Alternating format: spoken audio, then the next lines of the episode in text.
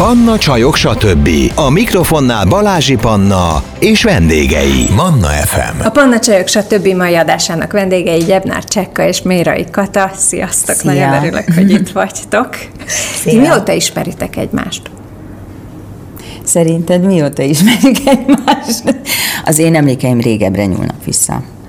Én úgy emlékszem, hogy olyan 30 éves sek lehettünk, amikor először találkoztunk, én a Katát megnéztem egy előadásban, gratuláltam is neki, aztán Arra- arra találkoztunk. emlékszel? Nem, Gratulálsz? Nem, nem.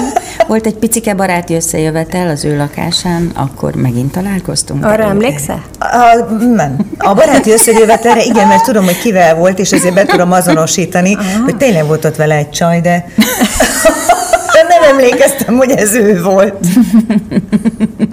Úgyhogy Kata szerint nem annyira régóta találkoztunk mi. Szerinted? Jó, de azért azt azért szeretném elmondani, hogy, hogy nekem nagyon szelektív a memórián. Tehát, hogy én annyi, már akkor is így kecskeméti színésznő koromban annyi mindenkivel találkoztam, és annyi mindenki állította azt magáról, hogy mi milyen jól ismerjük egymást, hogy, hát szóval, hogy ezt nagyon sokaknak nem sikerült megugrani. Tehát nem, nem csekkának szólt ez, hanem szerintem így az egész világnak, hogy így megpróbáltam magamtól mindenkit távol tartani és nagyon kevés embert engedtem magamhoz, ez azóta se változott. Tehát, hogy ez szerintem a legjobb bizonyítéka annak, hogy mi ugye elkezdtünk dolgozni együtt, hát 13 évig volt a csekk a, a barátok közben, és a 13 év alatt szerintem, hogyha négy mondatot beszéltünk, akkor lehet, hogy sokat mondok. Mert ugye egy kicsit avassuk be a nézőket, hogy ez hogy zajlik, tehát hogy adott esetben még akár ugyanabban a jelenetben szereplők sem találkoznak, ugye bizonyos forgatásokon, még ez is beleférhet. Hát bennünket a Covid hozott össze, hogyha lehet ilyet uh-huh. mondani, mert mi voltunk a két legszívósabb lény a stúdióban, tehát szerintem rajtunk kívül mindenki volt covidos. Csak mi ketten nem, és hát ugye anyagot kell gyártani, a sorozatnak mennie kell, leadási határidők vannak, úgyhogy egy idő után azt vettük észre, hogy az összes jelenetet átírták ránk. Tehát, hogy mi bennültünk a stúdióban, és akkor így különböző lapokkal nyargaláztak kifele a, a dramaturgok, és akkor így mondták, hogy jó, akkor, akkor még ezt a jelenetet, jó, és akkor ezt meg így átvariáltuk, és akkor, izé, és akkor még csak néztük, néztük, néztük, és egyfolytában forgattunk, úgyhogy ez, ez volt. Aztán utána egy ilyen folyamatos standby-ban voltunk bent így a stúdióban, Ügyeletben így van. és amikor így a, időnként meggyógyultak emberek, akkor is nekünk kellett lenni. És akkor kezdődött el az, hogy így elkezdtünk együtt szórakoztatni saját magunkat, meg egymást. Mert És hogy sok üres járat is van egy Így van, így van, így van. Igen, és akkor így a saját magunk szórakoztatására kezdtük el csinálni ezt a csekkat a TikTok oldalunkat, ami szerintem így, hát a munkában hozott össze bennünket, de az így az első perctől kezdve kiderült, hogy baromira Egy nyelven beszélünk. Tehát kevés olyan emberrel találkoztam én a szakmámban, akivel bármikor fölmerek menni egy színpadra, akár úgy is, hogy nincs kész anyagunk, hm. mert csak ránézek és látom a szeméből, hogy milyen irányt vesz, vagy, vagy most, most jön egy jó poénja, vagy most földobta a labdát, és nekem kell ezt leütni. Nagyon jól tudunk együtt dolgozni, iszonyatos szinkronban vagyunk, de azt mi igazából az Ázsia Express forgatása előtt mi nem próbáltuk ki, hogy ez, ez civil emberként is működik-e, ez a hihetetlen. A Csekának voltak törekvései rá, de. Már úgy érted, hogy találkozatok a forgatási helyszínen kívül is? Erre Igen, utalsz? mikor, főleg mikor már tudtuk, hogy megyünk az Ázsia Expressbe, és mi ott forgatunk, és ha jól megy minden, akkor sok hétig egymásra leszünk utalva, akkor én kértem tőle pár úgymond rendezvút, hogy figyelj, Léci, valamilyen civil programot muszáj csinálnunk, és muszáj beszélgetnünk. Tehát oda évek óta összeszokott párok mennek, azt se tudom, hogy mi a kedvenc ételed, vagy mitől félsz, mitől nem félsz, mi inspirál, mi nem. Így azért nagy hátrányjal indultunk. Igen, volt egy, volt egy kalandunk, amikor itt Csekka nagy nehezen rávett, hogy akkor menjek el vele kirándulni, mert hogy az erőnlét Hát nagyon persze, fontos. edzeni is kell. Igen. És Hova mentünk? Csobánkára? Csobánkára vitt, vitt el bennünket az Isti, Igen. mert ugye a, a Csekának a párja, ő hát ilyen falmászó, meg minden, tehát ő ilyen tébolyodott kalandor. Túlélő ember, igen. igen. Ehhez képest mi nem annyira. és, és akkor az Isti így kitalálta, hogy jó, akkor elvisz bennünket Csobánkára, van ott egy ilyen falmászó rész, de nem a falat fogjuk mászni, hanem úgy szépen körben úgy fölsétálunk. Hát mondtam, jó. Oda mentem, csekkal megjelent teljes menetfelszerelésben, tehát, hogy valahonnan szerzett elő egy, egy hátizsákot, amiben belepakolt egy halom cuccot, mert hogy hát 10 kiló cuccal fogunk menni, és ott állt a csekka, akinél nagyobb volt a hátizsák, és mondtam, hogy jó, hát akkor menjünk. És elindultunk fölfele a hegyen, és ő nagyon tudományosan felkészült, hogy akkor bakancs és izé, és aláöltöző, és, uh-huh. és nem elsőre nem? És ő, tehát ő rögtön, rögtön az olimpiát tűzte ki, és akkor így gondoltam, hogy ez nem lesz jó, hogy hosszú távon, és akkor tényleg az volt, hogy mentünk, mit én, 50 métert, akkor láttam, hogy már kezd szédülni. Jó, hát mondom, majd szó, hogyha szarul van. És akkor így 100 méter után mondta, hogy most már álljunk meg!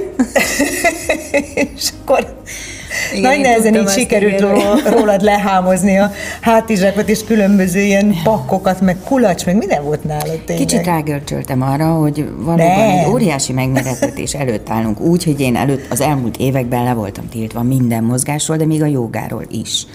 Egy-két gerincsérülés miatt. Tehát, hogy így nyilván rá voltam erre egy picit görcsölve. De azért eszetekbe se jutott nemet mondani erre a felkérésre? Erre nem. Ez volt az első felkérés, amire igent mondtunk, és azonnal. Igen. Tehát, hogy Nem ezt mind a ketten ilyen elkaminyónak fogtuk föl.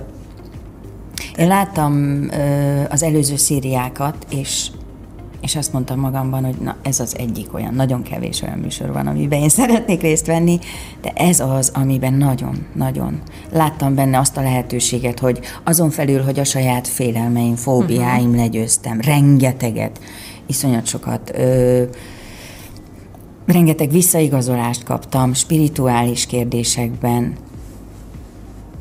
tehát, hogy egy olyan fajta tanítás volt, hogy én ezt már előre tudtam, ő végig nevetett ezeken a kis butaságokon, de nem érdekes. Tehát én tudtam, hogy számomra ez egy vízválasztó történet lesz. De akkor te ezt egész másképp élted meg, Kata? Érdekes különben, mert én úgy vagyok spirituális, hogy nem vagyok az. Uh-huh. Tehát, hogy nyilván van egy saját elképzelt világképem, meg így a nem tudom, túlvilágról, az utóéletről. Tehát nekem is nagyon erős megéléseim vannak ezzel kapcsolatban, de én nem hiszek ebbe a menjünk lezenbe, és legyünk nagyon, mm, és akkor ez egy kis füstölő, kis bizbasz. És még mindig Tehát, nem, hogy... úgyhogy hetekig kóboroltunk, csukott szemmel bekopogtunk, bejött, nem. Nem. Nagyon sok munkát fektettem de úgy tűnik, hogy nem. Nem, ez, ez nálam valahogy más, más, másképp fogalmazódik meg. Szerintem ugyanarról beszélünk csekkával, csak más, másképp, más szavakat használunk Mhm. mm-hmm. rá.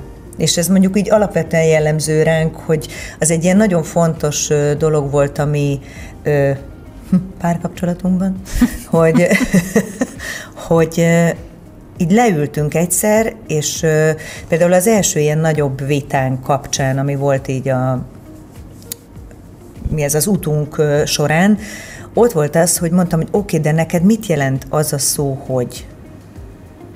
Mert hogy benne, hajlamosak vagyunk, én hiszek abban, de mondjuk én asszertív kommunikációt tanítok, és, és ezért én nagyon komolyan nem csak hiszem, hanem tudom is, hogy így van, hogy az emberek fejében egy-egy szónak a tartalma más. És nincsenek evidenciák. És én ezt tanítom a gyerekeknek is, a felnőtteknek is, hogy ez, ez egy nagyon fontos szempont. És az, hogy ő azt Már mondja, az, hogy hogy a ő fél... lehető legtisztábban és legkonkrétabban fejezzünk ki egy gondolatot, mert félre megy. Igen, uh-huh. igen.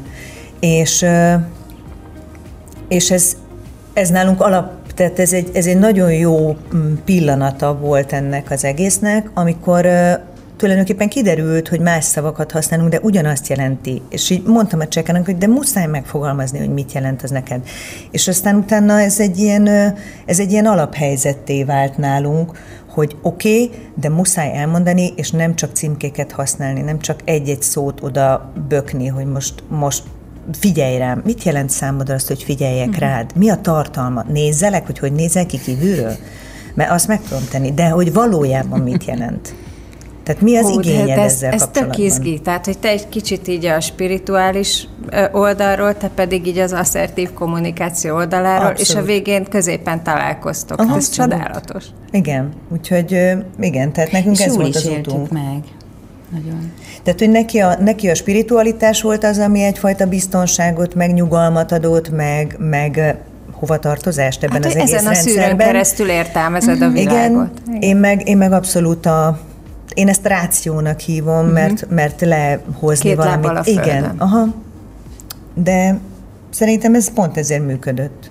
Akkor ez, a, amit szoktak volt mondani, kicsit elcsépelt, az ellentétek vonzák egymást, akkor az esetetekben azért igaz, mert bár ellentétes, de közben ugyanaz a végkifejlet. Tudod, mi az érdekes, hogy volt egy pillanat, így nyilván tanultuk egymást, és azért mindig így fejtegettük azt, hogy mi az, amiben különbözünk, és mi az, amiért nem különbözünk mégsem.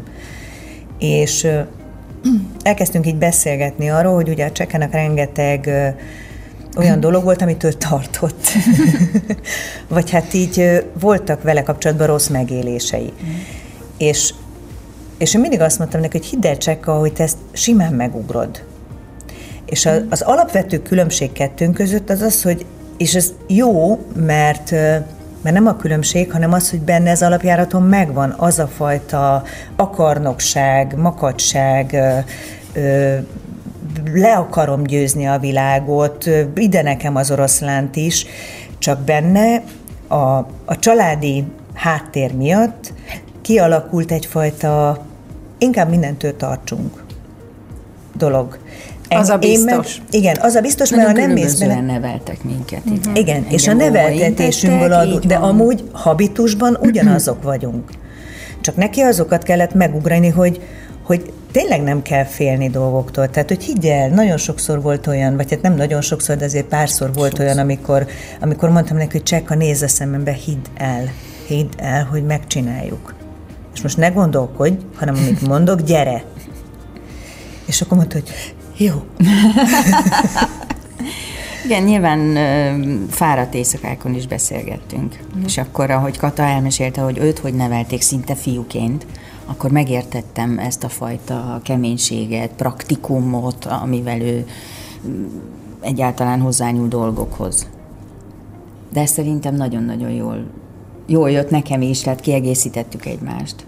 Igen, ugye nálunk mm. mindig az volt a mondás, hogy, hogy ne gondolkodj, csináld. Nála meg mindig az, hogy igen, inkább, anyukám is mindig azt mondja, gondol százszor körül, és néz körül, és gondold át százszor. De érdekes, hogy abból, amit mondasz, meg, meg nekem az az érzésem, benyomásom azokból az elhangzottakból, hogy, hogy igazából te meg attól féltél, hogy, hogy közelenged, vagy beengedj valakit így az életedbe. Hát ez, nem is ez nagyon bele... engedek mai napig uh-huh. se. Tehát, hogy van egy, van egy határ, hát én azért elég jól felhúzom a határaimat. Nem falakat építek, de határokat húzok. És nagyon furcsa számomra, vagy furcsa volt számomra az a felismerés, amikor először fogalmazta meg valaki velem kapcsolatban azt, hogy én félek tőled. És a csekkának is volt egy ilyen, hogy azt mondta, hogy én úgy féltem tőled. Hm, tartottam tőle. Egy tíz évig körülbelül kerültem őt. Tíz évig félt? Nem féltem, kerültem. Azt éreztem, hogy ő, ő nekem sok, ő más, ő annyira más, hogy valószínűleg sok lenne a vita, vagy nem tudom. Akkor lehet, hogy te ezért emlékszel volt. ennyire markánsan az első találkozásokra, amire te, amikre te kevésbé, mert mindig volt benned valamilyen ellenérzés. Arra emlékszik az ember. Persze, pedig a, arra, tehát amikor mi először találkoztunk, ott nagyon cuki volt. Amikor elkezdtünk úgymond egy stúdióban dolgozni, uh-huh. akkor láttam, hogy jön, megy, hangos, karakán, nagyon határozott hmm, jobb lesz inkább egy kicsit távol tartani magunk. Nem tudom, miért volt bennem egy ilyen érzés. De a sors mindenképpen összehozott minket, tehát ez elkerülhetetlen volt ez a mm, dolog. Ez, ebbe biztos vagyok. De És miért pont, mondod ezt? Például nagyon nehezen álltam ki magamért, a, az elveimért. Az igazságérzetem néha borzasztó erősen dolgozik, akkor viszont már nem, nem jó az eszköz, amivel én megoldom uh-huh. az adott helyzetet, mert sokáig húzom, sokáig marad bennem minden. És Kata mellett abszolút megtanultam kiállni magamért. Hú, de jó. az ötleteimért, mert annyira erős és annyira hisz abban, hogy amit ő lát és gondol, az jó, hogy ott meg kellett küzdeni azért, hogy de most arra megyünk, akkor is arra megyünk. Igen, de ugyanakkor nekem ez egy nagyon jó tanítás volt. Ez, ebben az egész tanulási folyamatban ö, egyrészt nyilván benne volt az, hogy, ö, hogy ugye én láttam valamilyennek a csekkát. Ő mutatott valamit magáról, hogy ő nagyon határozott, de ugyanakkor minden egyes határozottságában volt egy kérdőjel. És akkor én arra gondoltam, úristen, tehát, hogy arra nem lesz idő, hogy a kérdőjeleket megfejtsük. Tehát, hogy, és aztán utána egyszer így azt mondtuk, hogy de, akkor üljünk le, és akkor kezdjünk el. És akkor volt is ilyen az Ázsiában, hogy azt mondtuk, hogy jó, most akkor megállunk, leülünk, mindenki elmondja, és érdekegyeztető tárgyalást folytatunk. Mm, és akkor és akkor megbeszéltük. Az, hogy az emberek megijednek. Ha te felvállalod a gyengeségeid, akkor azonnal jön egy ilyen zubbony, amit rád húz, akarva akaratlan, mindenki a világban. Hmm. Nagyon nehéz ezt képviselni, hogy te már pedig felvállalod a hibáid, a gyengeségeid, a félelmeid. Mert valamiért ösztönösen azt gondolják, hogy akkor az egész ember gyeng. Tehát nekem közben nagyon kellett bizonyítanom, és hál' Istennek sikerült is. Feladatok teljesítése során, vagy stoppolás során, hogy, hogy nyugi, itt vagyok. Én csak felvállalom, hogy nem van egy jobban a közönség? Vagy, mm, tessék? De. A gyengét jobban szereti a A közönség. gyengét jobban szereti a közönség. Azt nem szeretik. Az emberek nem szeretik, hogyha valaki nagyon erős. Vagy nagyon határozott. Vagy nagyon igen. határozott. Igen, igen, igen. Tehát hogy soha nem felejtem, mert nekem volt egy ilyen, még a József Attila színházban a Léner Péter volt az igazgató, és akkor mi nagyon jóba vagyunk mai napig. És a tanár úr mondta nekem azt, hogy miért legyen már egy kicsit elesettebb, hogy legyen kedve segíteni magán az embernek. És mondtam, hogy tanár úr, én olyat nem tudok. Akkor ez ilyen értelemben is egy izgalmas kombó volt, amit ti ketten képviseltetek, nem? Így Hogy, van. hogy a közönség a te gyengeséget, ha már így neveztük, az, azzal szimpatizált, és tőled egy kicsit akkor tartott. Tehát ez egy izgalmas kettős. Viszont én, én, én folyamatosan dolgoztam azon, hogy őt pedig kinyissam, és ez Mhm. azt gondolom, hogy a végére sikerült is. Hát neked, de a többieknek nem. De nekem igen. Tehát Ez azért én megtartottam továbbra is azt, hogy nem. Nem, nem, nem. Ö, nagyon furcsa. Nekem például a, ami ilyen, hát nem is tudom, hogy mikori felismerés, de hogy én azért ezzel még így dolgozom. Ez a ne akarjam, hogy azt szeressen, aki nem akar engem szeretni. Ez egy ilyen alap dolog, mert hajlamos uh-huh. vagyok arra, hogy olyan embereknek szavazok bizalmat, akik utána baromi nagy csalódást okoznak, vagy ilyen érdemtelenül, és ráadásul az én rajongásom, hogyha én valakit beengedek, akkor az örök élet meg egy nap. De ez valamilyen minta, amit hozol régről, nem? Talán. Mm. Hát talán apukám volt ilyen. Tehát benne volt egy ilyen jó kis kettősség, mm. hogy, hogy ő, ő minden, mindenkivel igyekezett jót tenni, mindig ott volt, hogyha kérték tőle, mindig mindenbe beleállt, megcsinálta, ő egy nagyon racionális ember volt, ez a, hm? és ugyanakkor meg nagyon kevesen tudták, hogy mennyire jó szívű, jó lelkű, szeretni való ember. De így én nem érzem hiány. Tehát, hogy nekem bőven elég az, aki engem körülvesz. Tehát, akit beengedek. Mm. De Érdekes különben, mert igen, amit megfogalmaztál, hogy a, a törékeny, az elesett, a gyenge embereket, azokat jobban kedveli a nagy közönség. De Most azokban már nagyon szoktak. leírtunk. De nem, nem, nem, nem, nem, nem. Ö, tehát, hogy ez most nem, nem erre vonatkoztatva, hanem így általánosítva. De ugyanakkor én nekem az a tapasztalatom, hogy amikor valaki megmutat magából egy gyengeséget, akkor azt, ha olyan helyzet adódik, már pedig adódik olyan helyzet, akkor azt, mint a farkaskölykök elkezdik széttépni. És, és én inkább azt mondom, hogy ilyen farkasok anyja vagyok karakterben. Tehát én nem kölyök farkas vagyok. Csekka meg kölyök farkas. És olyan Tehát, érdekes, hogy- hogy ezt így fogalmazod meg, mert bennem mindig volt egy ilyen furcsa elképzelés, hogy a farkasfalkában nem, nem, tehát hogy úgy nem akarok tartozni. Nem, olyan harapósak. Ö, és igazából ez butaság volt, azt gondolom. Ez mert, változott Mert benne. nagyon sokat tanulok tőlük, és ők is tőlem. Hú, de ez. Akkor ez egy nagy önismereti játék is már az Ázsia Express. Persze, hát ezért mentünk mind a ketten Igen. igazából, tehát hogy a saját határainkat feszegetni. Tehát ez volt az elsődleges szempont. És az egy, az egy alap megállapodás volt, és abban mind a ketten maximálisan egyetértettünk, hogy azt mondtuk, hogy addig fogunk menni, amíg ez nem megy a barátságunk rovására. Uh-huh. Tehát amikor azt érezzük, hogy már átlépünk egy olyan határt, ami emberileg nem felvállalható számunkra, akkor ott föltesszük a kezünket, és azt mondjuk, hogy akkor mi hazamegyünk. Hát nem ez történt. Nem. Ugye? Nem, nem ez történt, hanem beteg lettél, mm-hmm. és a siker kapujában kellett feladni a dolgot, viszont az, ami, ahogy róla beszéltél, miután ez megtörtént, az egyáltalán nem azt támasztja alá, hogy, hogy te egy ilyen hideg, távolságtartó, racionális ember vagy, ez egy, ez egy nagyon megható pillanat volt, amikor elmondtad, hogy mennyire szereted őt, és hogy ez, ez így jó, ahogy van. Hát, de azért mondom, hogy neki sikerült de a többiek kívül maradtak. Uh-huh. Tehát én nekem nem volt célom, nem, soha, hát nem célom azt, hogy engem mindenki szeressen. Tehát, hogy... Nincs is olyan. De az emberek nagy többsége úgy működik. Az emberek nagy többsége úgy működik, hogy ő vágy, vágyik arra, hogy őt, őt mindenki szeresse, őt mindenki körülrajongja, őt mindenki majnározza, őt, de most teljesen mindegy, hogy most ebben a szeretetben neki mi tartozik, de hogy úgy globálisan legyen egy ilyen általános megítélés róla. Nekem nincsenek ilyen vágyaim. Tehát, hogy én önmagamnak akarok megfelelni. És és ez mindig is így volt. Tehát talán, talán ezért van az, hogy én nagyon, ahogy így a Léner tanár úrtól megkaptam, hogy nekem volt olyan, amikor, mit tudom én, nem voltam még kecskeméti színészként, és akkor egy, az egyik rendező azt mondta, hogy, hogy hát bizonyára jobb szerepeket kapnál, hogyha estéként lent buliznál velünk. Mm. Bizonyára, csak nem cél. Tehát, hogy én azért nem fogok lent bulizni valakivel, meg jópofizni, hogy, tehát, hogy nem. Igen, én tudom a én saját értékeimet. Sem, attól, mert könnyebben barátkozom.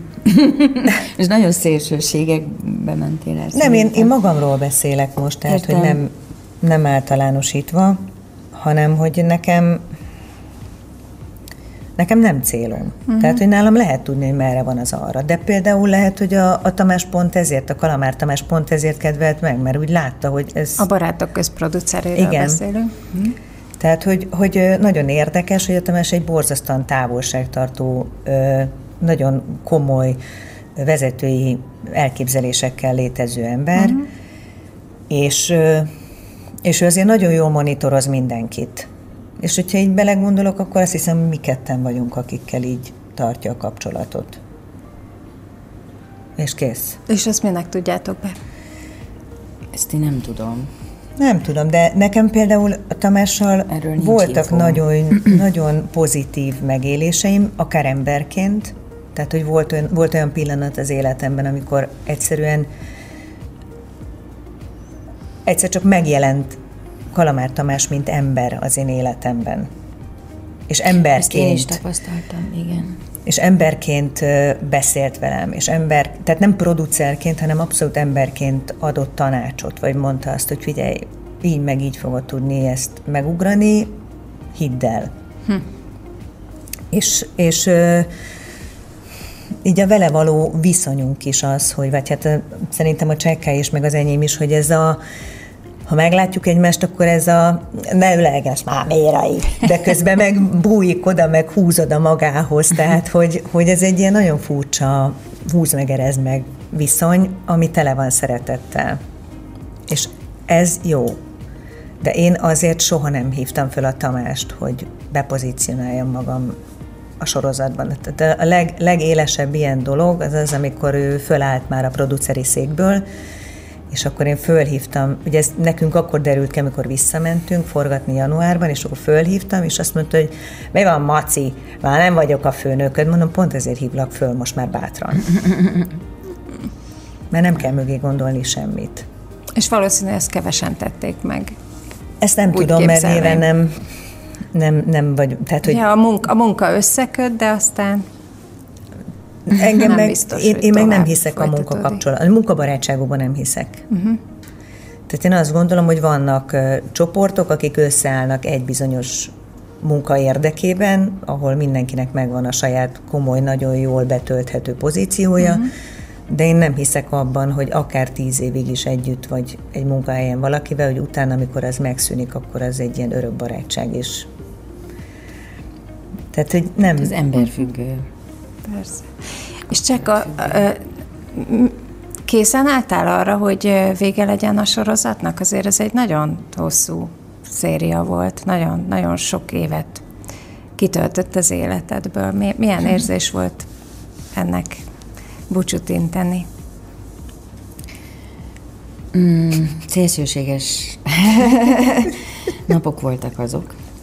Egy érzelmi hullámvasút volt, amikor megtudtuk. Öm, azért volt ez furcsa, mert a bejelentés, tehát megtörtént a bejelentés, hogy megszűnik a Barátok közt című sorozat, és még pár hónapig forgatunk.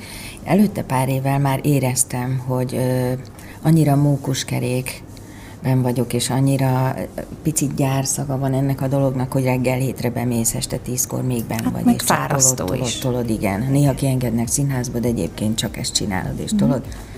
Hogy valahol mélyen titkon éreztem, hogy ennek, ennek véget kellene vetni hamarosan, mert valahogy az ember teste és lelke is felőrlődik mm. szép lassan. A kis családi élete is, a programjai, a barátkái, mert nem tudsz tervezni, mert mindig ott vagy. Tehát valahol mélyen tudtam azt, hogy valaminek jönnie kell.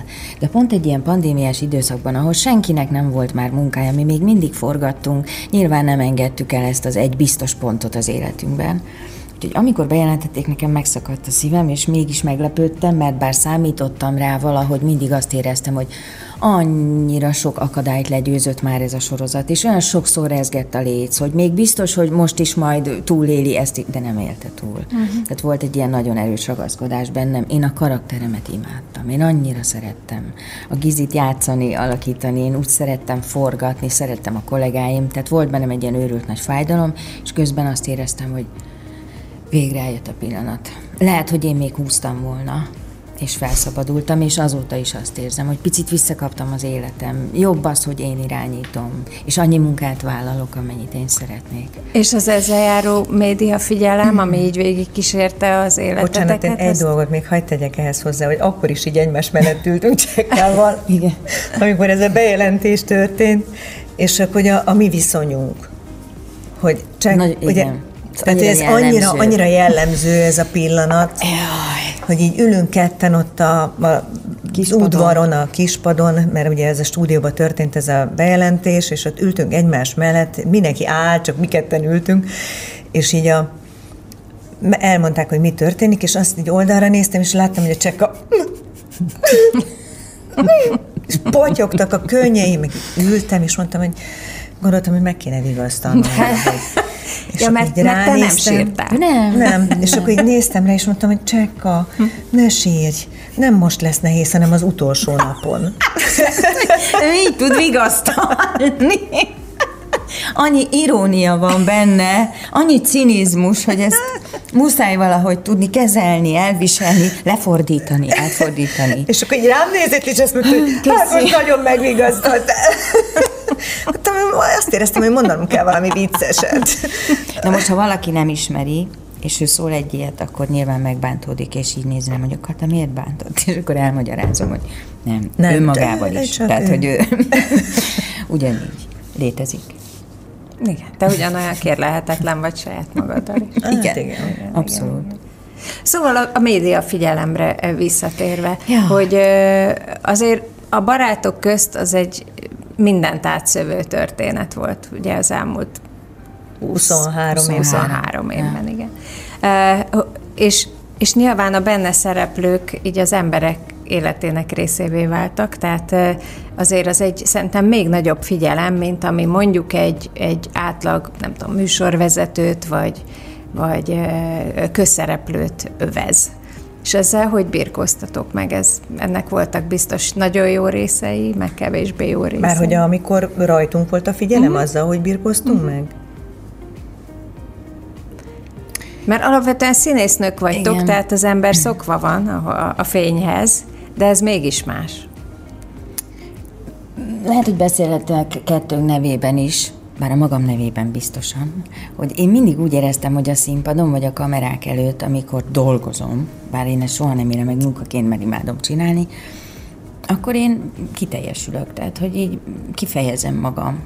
Viszont ha lejövök a deszkákról, vagy már nem forgatunk, akkor én szeretek a háttérben lenni, egy buliba is leülni és mozizni és nézni az emberek, hogy érzik magukat.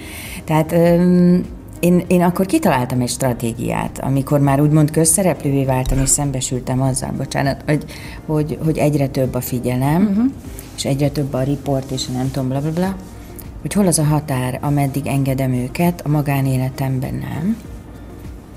És én azt találtam ki, hogy, hogy bizonyos témákban, amikben úgy gondolom, hogy tudok adni, vagy segíteni, vagy bármi új infót adni az embereknek, azokat, azokban nyilatkozom, és, és egyébként békén hagynak. Tehát valahogy szépen megtaláltam egy ilyen balanszt, hogy, hogy évente nem tudom, négy-öt-hat riport, minden évben egyszer megmutatom, hogy még mindig megvan a kis szerelme, megnyugszik mindenki, és akkor utána nem firtatjuk a magánéletet. Tehát, hogy lesz, lehet szépen okosan sakkozva csinálni, hogy ne legyen sok, de amennyi kell, annyit adj.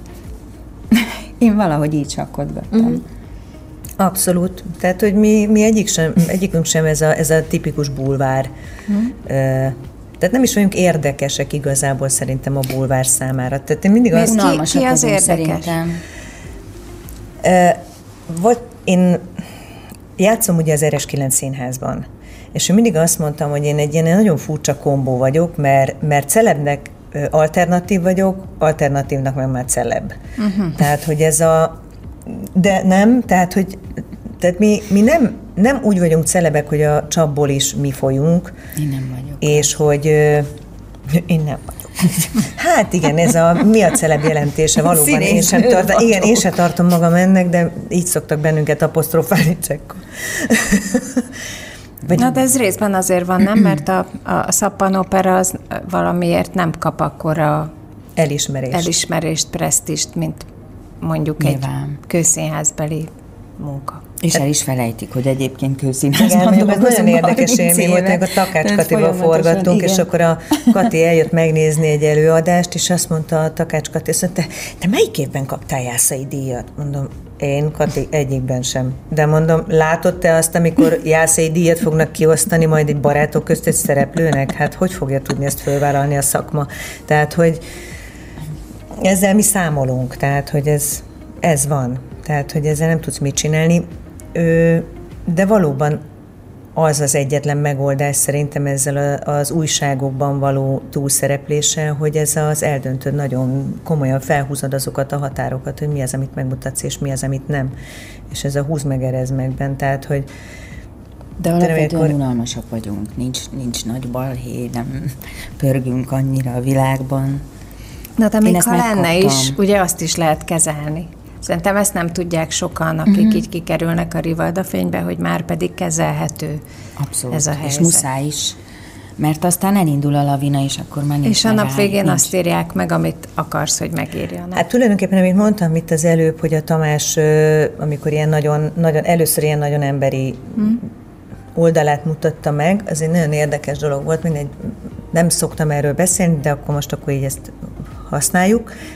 Hú, de jó hogy az én apukám az nagyon hirtelen halt meg és ő úgy ö, ment el közülünk, hogy ő öngyilkos lett. És akkor ö, ennek e, ezt kapta föl a bulvár sajtó, vagy ezt akarta fölkapni Ez jó tíz a bulvár. ezelőtt. Igen, a bulvár sajtó, és a Tamás azt mondta, hogy figyelj, Muci, megteheted azt, hogy nem nyilatkozol, de akkor szétszednek.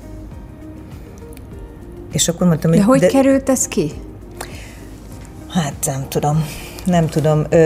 Elvileg, elvileg az, a, az a történet, hogy ugye az édesanyám még akkor egy ilyen kis borsodi faluban laktak, és aztán, mit tudom én, néhány hónap alatt eljutott ez oda, hogy a sógorkoma jó barát összes szomszéd, ugye nyilván ez a faluban téma volt, és akkor eltelt egy-két hónap, amikor ez eljutott már egy olyan emberhez is, aki valamelyik bulvár újságnál dolgozott. És akkor ezt így, ezzel hívták föl a stúdiót, hogy akkor ők ezt megírják, és, és akkor azt tanácsolta Tamás, hogy, hogy inkább adjak interjút, de hogy ne erről az egészről beszéljek, hanem azt, hogy én mit gondolok erről, én mit élek meg ezzel kapcsolatban. És akkor abban nagyon mm, korrekt volt a, nyilván a sajtó osztály nálunk, hogy azt mondták, hogy és akkor megmondják, hogy ez egyszerű és megismételhetetlen, és nem átvehető a cikk, és nem lehet, nem tudom én, a harmadik felületen és újra nyomtatni, és nem. Tehát amik ilyenkor szoktak menni, hogy akkor szétszedi az összes újság, és akkor majd azt jelentetnek meg belőle, amit akarnak.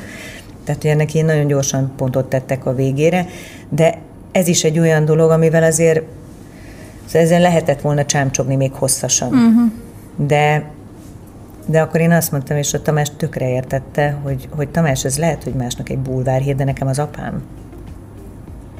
Tehát, hogy ő holnap után krumplit fog rá pucolni. Nekem meg ezzel együtt kell élnem. Tehát, hogy legyünk már ennyire tekintettel egymásra. És ez minden, mindenre igaz, tehát így a magánéletünkre igaz, hogy ez másnak ez csak egy bulvár hír, holnap után répa, meg krumpli, de nekem ezt vinnem kell tovább. Hát de nem, hát ezt igen, csak az emberek összemossák ezt, ezt, hogyha kimész a fénybe, akkor annak vannak olyan járulékos dolgai, ami, amivel neked akkor onnantól kezdve szembe kell nézni. Én sem értek ezzel egyet, de hogy szerintem sok ember így gondolja. Hát legyen, de akkor az a sok ember menjen el a színházba és nézze meg az előadásokat is, mert az is, tehát uh-huh.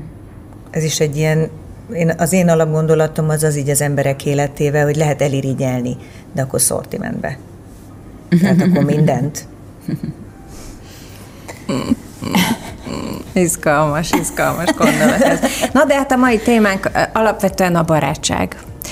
És azért azok a barátságok, amik gyerekkorban köttetnek, ugye azok általában egy életre szólóak, vagy legalábbis hosszú életűek, és nagyon ritka szerintem, hogy a 40-es éveitek második felében kötődjön egy, egy olyan barátság, mint amiről ti most itt meséltetek. Hogy erről, erről mit gondoltok, hogy ez, ez tartós tud maradni? Tehát, hogy ez egy ilyen élethelyzet hozta barátság, vagy annál, annál sokkal mélyebb. Tehát nehezebben engedsz be valakit alapból, ezt ugye elmondtad, na de ez még nehezebben következik be a 40-es évek második felében, mint mondjuk fiatalon. Nekem nincsenek gyerekkori barátaim. Hm. Tehát, hogy nekem felnőtt barát, felnőttkori barátaim vannak. Mert a felnőttkori barátságaim, azok egytől egyig olyanok, hogy már nincs benne az a fajta akarnokság, meg, meg pozícióharc, meg nem tudom, még lehetne itt mindenféléket mondani ezzel kapcsolatban. Tehát az én barátaim, azok mind már akkor lettek, amikor már gyere. Az egyik ilyen nagyon kedves barátom, és aki így az egyik legjobb barátom, az a Pelikán Andi, akit a Csekka is ismer, az én egyik Mátémnak az anyukája, aki a Kristóf volt, és hosszú éveken keresztül ő volt az egyik Máté fiam, és vele alakult ki egy olyan barátság, ami egy ilyen ö, abszolút bizalmi alapon működik. Tehát, hogy tudunk egymásról mindent, most is reggel, mikor jöttem ide, őt hívtam föl, és mondtam el, hogy le akarok szállni a földről. Tehát, hogy így, mert úgy érzem, hogy a mai napon megint egy kicsit túltolódik. Á, nem. és, tehát, hogy ő az, akivel így mindent meg tudok beszélni. Uh-huh. A, a másik barátnőm szintén a gyerekem óvodástársa, anyuk, volt óvodástársának az anyukája, akivel szintén egy ilyen, ilyen vér és szövetség, de hát mind a hárman olyan különbözőek vagyunk, és aztán én hoztam őket össze, és akkor lett egy ilyen, egy ilyen csajos tim, akik így mindig azt várjuk, hogy mikor gin tonikozhatunk már megint végre együtt, és, és akkor most lett így még a csekka, és aztán ezzel így be is zárult a kör. És nálad ez hogy van, csekka? Nekem van gyerekkori barátom, akivel majdnem együtt nőttünk fel, és a mai napig bármikor felhívhatom bármivel. Teljesen más szférában dolgozik, és annyira, tehát hogy el se tudom nektek mondani, nem akarom elmondani, hol dolgozik. Tehát civil. igen, civil, köztisztviselő. De, és mégis valahogy olyan, olyan szimbiózis van köztünk minden áldott pillanatban, ha mi találkozunk, vagy beszélünk, hogy azt nem tudom elmondani. Ez valami, ez valami olyan ajándék, az én Angéla barátnőm, hogy nem, nem, nem tudom elmondani. De aztán az élet még sodort, sodort jó embereket az én utamba, és nem minden barátság volt hosszú életű, vagy nem minden barátságom tart még most is, de tudom, hogy az sem volt egy felesleges etap, mert nagyon sok mindent megtanultam tőle. Szóval azt kell megtanulnunk a világba, akár barátságról vagy szerelemről van szó, el kell fogadni azt, hogy bizonyos embereket csak bizonyos ideig rendelt melléd a sors. Én ezt gondolom. Uh-huh. És el kell tudni őket engedni, mert valószínűleg csak ideig, óráig volt egymással dolgotok, valamit valaki megtanult a másiktól, és menni kell tovább. Hallod, Nekem még kötött? most is jönnek emberek majd, az majd, életembe. Majd megvárom a végét. Tehát, hogy én, nekem ezzel sincs bajom. És aki igazán fontos, az úgyis ott marad. És, és van egy, mm-hmm. ilyen, egy ilyen jó kis szűrő, amin én itt türelmesen szűrögetek, nem nagyon gyorsan, és aztán az élet majd úgy hozza azokat a helyzeteket, amikor visszaigazolást kapsz. De alapvetően én most is hajlandó vagyok új embert beengedni az életembe. Nyilván már azért óvatosabb vagyok nyilván. Uh-huh. Ennyi idősen, hiszen sokszor kaptam én is pofonokat. De én nyitottabb vagyok. Ez igaz. Hát sokkal, sokkal. sokkal. De ez különben nagyon érdekes, mert akkor itt visszacsatolnék a, akinek mit jelent és mi a címke felvetéshez, hogy mit jelent az, hogy a barát. Uh-huh. Kinek mit jelent a barát fogalma. E, nagyon furcsa, most nem fogom tudni megmondani, hogy ki mondott valami hasonló idézetet, nem tudom pontosan idézni, de hogy a, a barátaink azok nem azok mindig, helyrajz, mindig a helyrajzainktól, a létezésünktől és a helyrajzainktól függnek. Tehát, hogy éppen hol vagy helyrajzilag. Szerintem meg pont, hogy függetlenek. És igen, de azért mondom, hogy kinek mi a barát. Mm-hmm. Tehát, hogy, hogy igen, ha, ha bővítem a barátomnak a fogalmát, tehát nem az, akit minden nap fölhívok, és, és napi szinten benne vagyok az ő életében, és ő is az enyémben, hanem azokat is a barátaim csoportjába társítom, akiket bármikor felhívhatok, bár lehet, hogy nem beszéltem velük egy éve, vagy fél éve, mert az élethelyzetünk úgy hozza, hogy nem tudunk találkozni, akkor nyilván vannak barátaim, uh-huh. sokkal több. De ez egy ilyen táguló uh-huh. kör. De látod, már, már most mást jelent a mi olvasatunkban a barátság. Az ő olvasatában, ha jól értem, akivel te napi szinten beszélsz, az a legjobb barátod. Az én legjobb barátommal én nem beszélek napi szinten. Mert nem, mert nem. De mégis azt gondolom, hogy ő az. De nem, az. de hogy bármikor mm-hmm. felhívhatod, ha gondod abszolút, van, nem? Abszolút. Tehát, hogy de nincs benned egy kósza gondolat igen, se, igen. hogy most akkor nem de ott hívom. van a legnagyobb kötődés, ott uh-huh. van a mhm. És ha nagyon nagy a probléma, akkor, akkor egymást hívjuk, tehát hogy ez evidens. Uh-huh. Mást jelent. Azért mondom, hogy ez az érdekes, hogy kinek mit jelent, mit jelentenek azok a dolgok. Tehát, hogy a barátságnak is szerintem vannak különböző szintjei. És tudod, eszembe, mielőtt mentünk Ázsiába, megkértük a Pelikán Andit, akiről már szó volt, hogy ő coaching, és coachingoljon minket és valóban nagyon-nagyon-nagyon hasznos volt az a beszélgetés, ahol mi hárman ültünk egy szobácskában, az Andi velünk szemben, és megkérdezte, hogy számodra mit jelent az, hogy csapat, mit jelent az, hogy csapat, csapatként uh-huh. létezni. Uh-huh. És már akkor is ugye teljesen mást gondoltunk a Kata olvasatában, tehát a csapat nem létezhet vezér nélkül. Uh-huh. Döbbenten néztem, hogy mi ketten leszünk, nem gondolod. tehát, hogy a csapat. És kint azért úgy működött, hogy ő is ragaszkodott hozzá, hogy vezér mindig kell, én meg gondoltam, hát ketten vagy vagyunk egy kétfős csapatban, szerintem nem kell vezér. És ezeket nagyon jó volt tisztázni, mert ha ezzel mind kint találkozunk, abban a feszültségben, és már napok óta nem ettél, és 50 fok van cipeket, sokkal feszültebb vagy, akkor lehet, hogy sokkal több a mi vitánk. De már eleve úgy mentem, hogy tudtam azt, hogy ő, ő így fog létezni. és akkor így, így, így talán könnyebb volt. Igen, a... tehát a, a, a csekkának a, a az elképzelése a csapatról az az, hogy kéz a kézben sétálunk dalolva. És...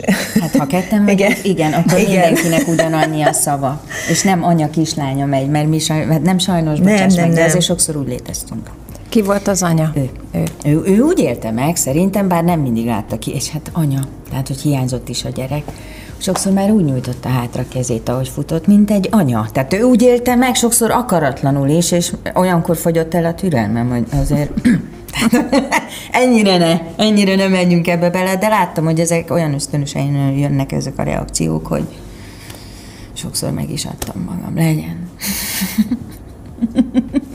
Igen, igen.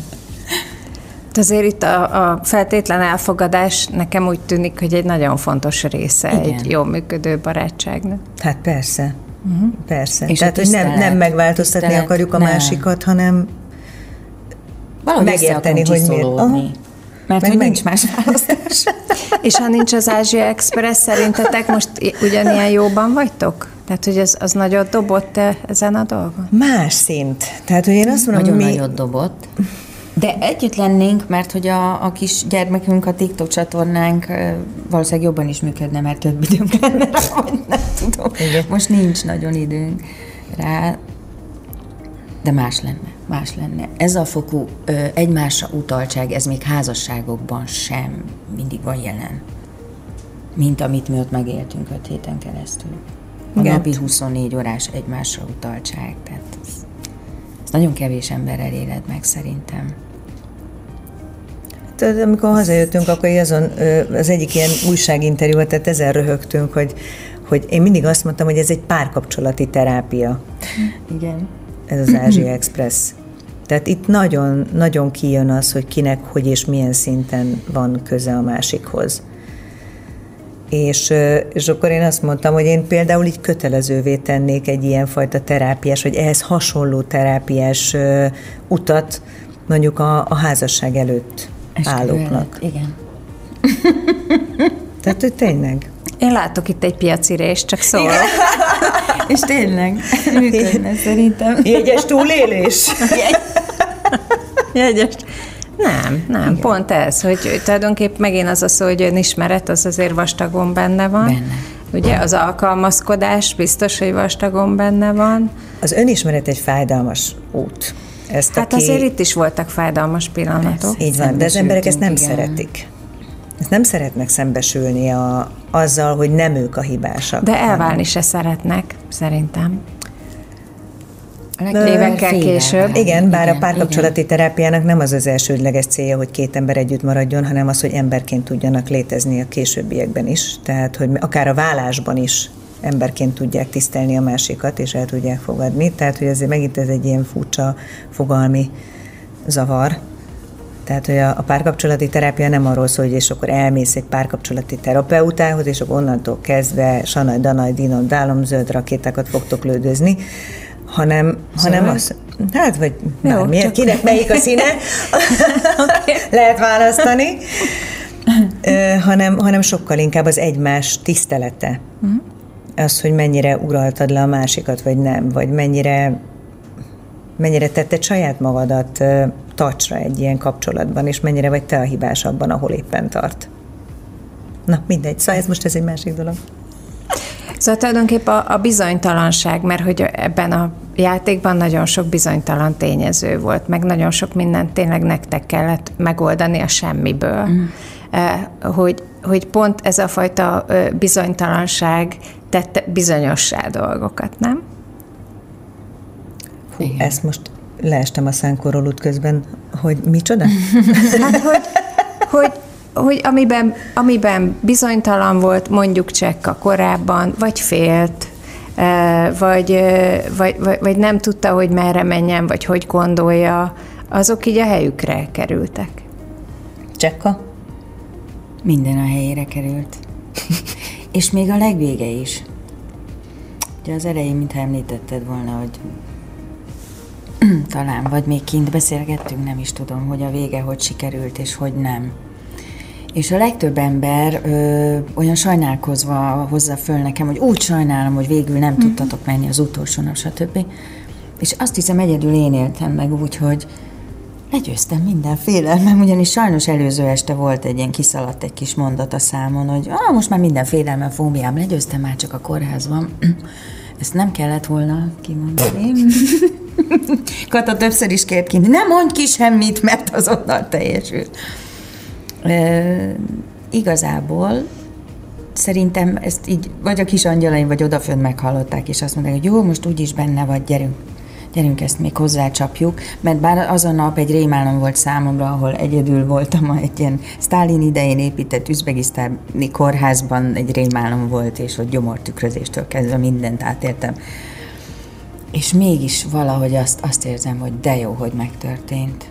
Mert amit én ott átéltem egyedül, az olyan erős volt, és sok volt, és sokkoló, és túl kellett élni, hogy én azóta egyáltalán nem férek, ha orvoshoz kell menni, és ilyen velem még nem történt. Komolyan mondom, ez is jól sült el, tehát számomra jót hozott. Az nagyon rossz érzés eltölt el, nem tudtam megadni azt az érzést a Katának, ha már addig eljutottunk, hogy akkor gyerünk dur bele egy, egy, egy utolsó finist együtt lenyomjunk. Ezt az élményt tőle vettem el. Ez bánt, nagyon. De cserébe majd följön velem hőlékbalonnal Igen, Kapadókiában. megígértem. Oda még visszamegyünk. Szóval benned volt ilyen, mi lett volna, ha? Akkor Figyelj, nem, ott akkor nem. nem. Tehát ott egészen biztos, hogy nem. Mert, mert én ezt nagyon sokszor elmondtam, és bizonyára sok ember számára ez hihetetlen, de bennünket nem a győzelem érdekelt ebben az egészben.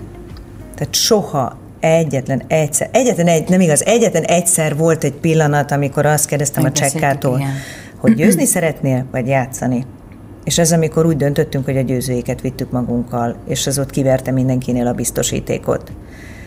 Mert addig nem volt szempont Meg az, nem hogy is gondoltuk, hogy mi addig eljutunk, valljuk be. Szóval nem taktikáztatok? Nem, Nem. nem. Volt egy pont, ahol azt mondtuk, hogy na jó, most viszont, ha eddig eljutottunk, akkor próbáljunk megnyerni. Nem, hanem mindig így a, a... És nagyon érdekes volt, mert ugye nem nagyon tudtak bennünket bocsánat, nem nagyon tudtak bennünket a többiek hova tenni, és amit az elején uh, itt vagy a Csekka, vagy te említetted, hogy ezek mind összeszokott párok voltak, hogy szerintem a mi erősségünk pont az volt, hogy mi nem voltunk összeszokottak